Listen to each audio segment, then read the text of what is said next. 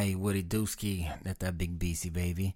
Dette er ikke noe vanlig episode av Lotion og Smestad, men jeg tenkte jeg måtte velsigne gatene med en liten lydbokteaser av første kapittel fra min nye spenningsroman Snøstorm. Jeg har jobba med den boka nå i mange år, veldig digg å få den ut.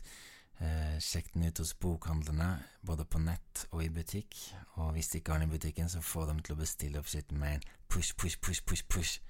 Kan også bestille direkte fra forlaget konturforlag.no.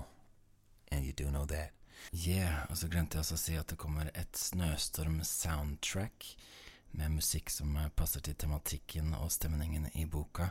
Det er både tidligere utgitte låter og uutgitte låter fra blant annet uh, Warlocks, Hussein Brothers, Simon Divine, TMSD. Det er også en låt med rapperen fra boka, Bundy G, og den får dere en smakebit av etter første kapittel her. Men først la oss sjekke ut en av de hardeste låtene på soundtracket. Her er Hussein Brothers, Pass My Peace Sign. King Kong, King Kong, Baku, Baku, Hussein, Hussein, Pass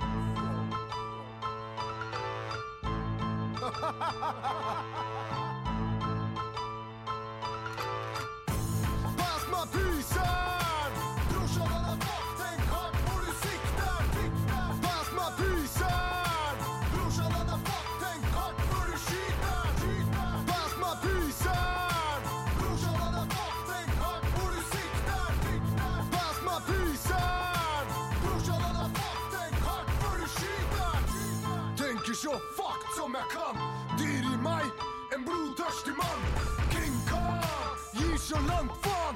Fucker du meg, hva? kommer du ikke land? Jeg er en uslepen, livsfarlig diamant. Undergrunnskonge, løven er dominant. Pass my peace! Jeg kommer til å voldta med blokken nede i andre. Yeah. Vi får bare kicke i gang med første kapittel her. Om det blir en lydbok etter hvert, det er opp til filmkuden, tenker jeg. Eh, Det er jo litt sånn spesielt og skuespilleraktig å drive og lese opp en hel bok og være de forskjellige stemmene og sånn i boka. Jeg vet ikke helt om jeg er rette, rette play for det, men uh, hvis gatene forlanger det, så får vi se meg inn. Uansett, her er første kapittel av Snøstorm. Boom!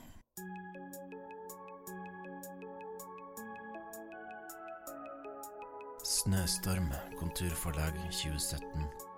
Lest av forfatteren selv, Anders Motherfucking Smestad.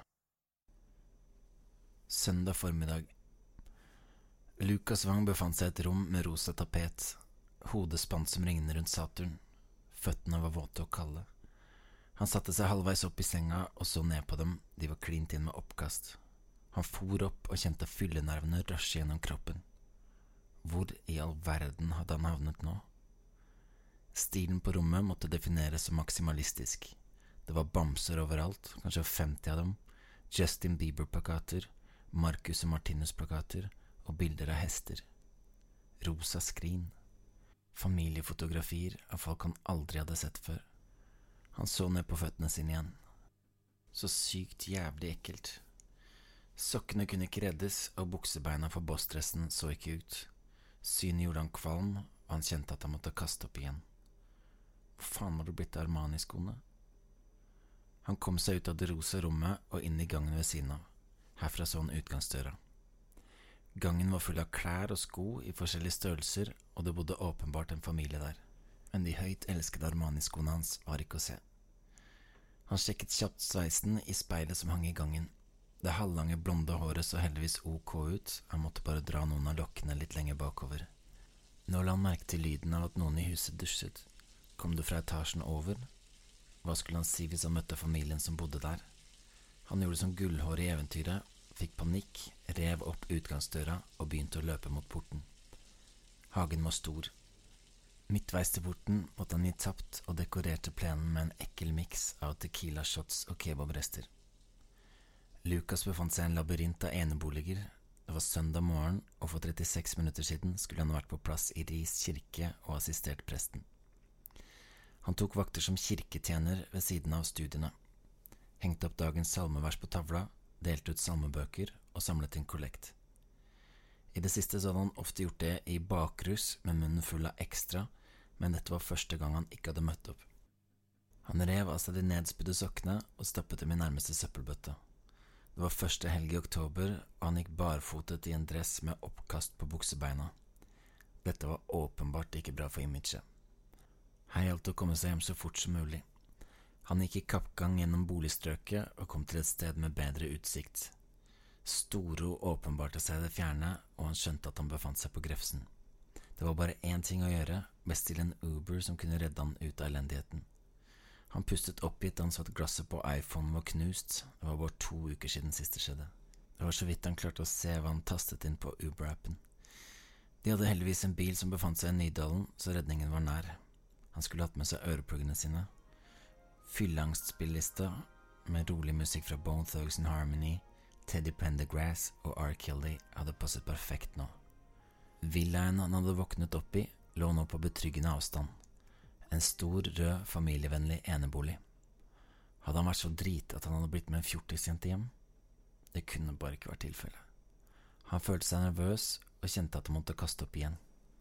Brekningslydene fra halsen var motbydelige, det hørtes ut som han var i ferd med å bli kvalt. Han gispet etter pusten. Denne gangen kom det bare surt slim. Han ble stående bøyd med hendene på lårene og salte spytårer i øynene.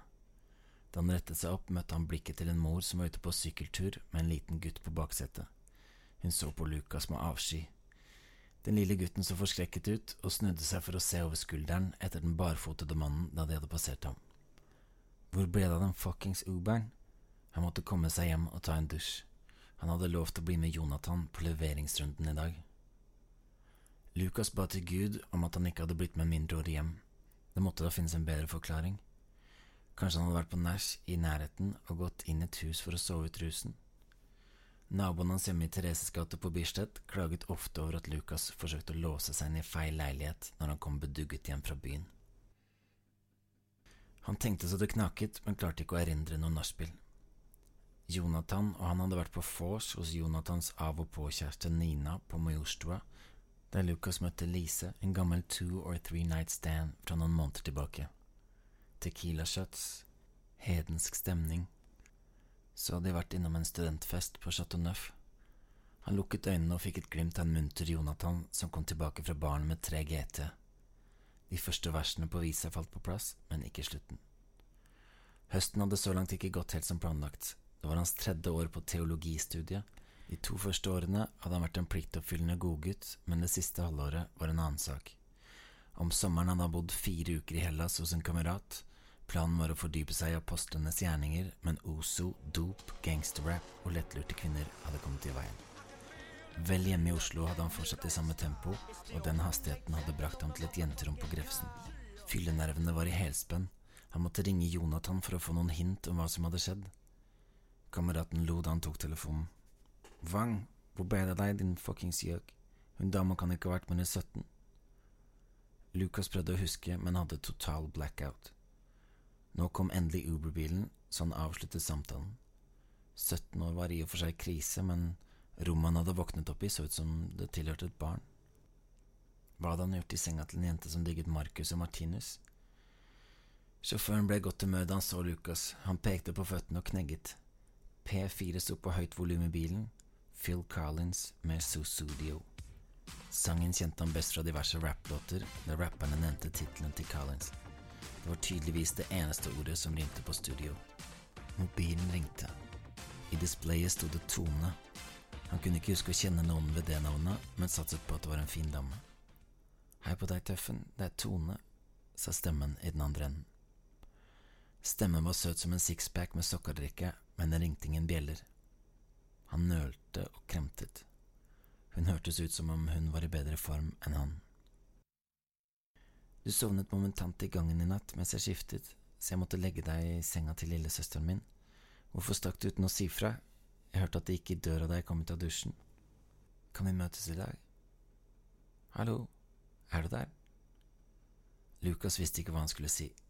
Han trengte en dusj, han trengte e-books, og han trengte Paracet. Han svarte at han ble nødt til å ringe henne tilbake senere, og la på.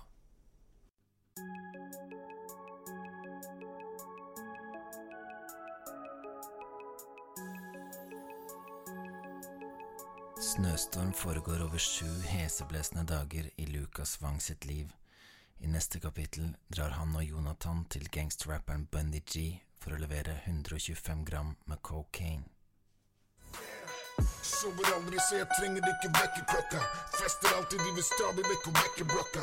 Politiet kommer stadig vekk og sjekker blokka. De kjenner stilen, vet at Brandy G og nekker nokka. Svær og fighter jointer, alltid røde øyne. Får jeg paffer på den skitten hele fuckings døgnet.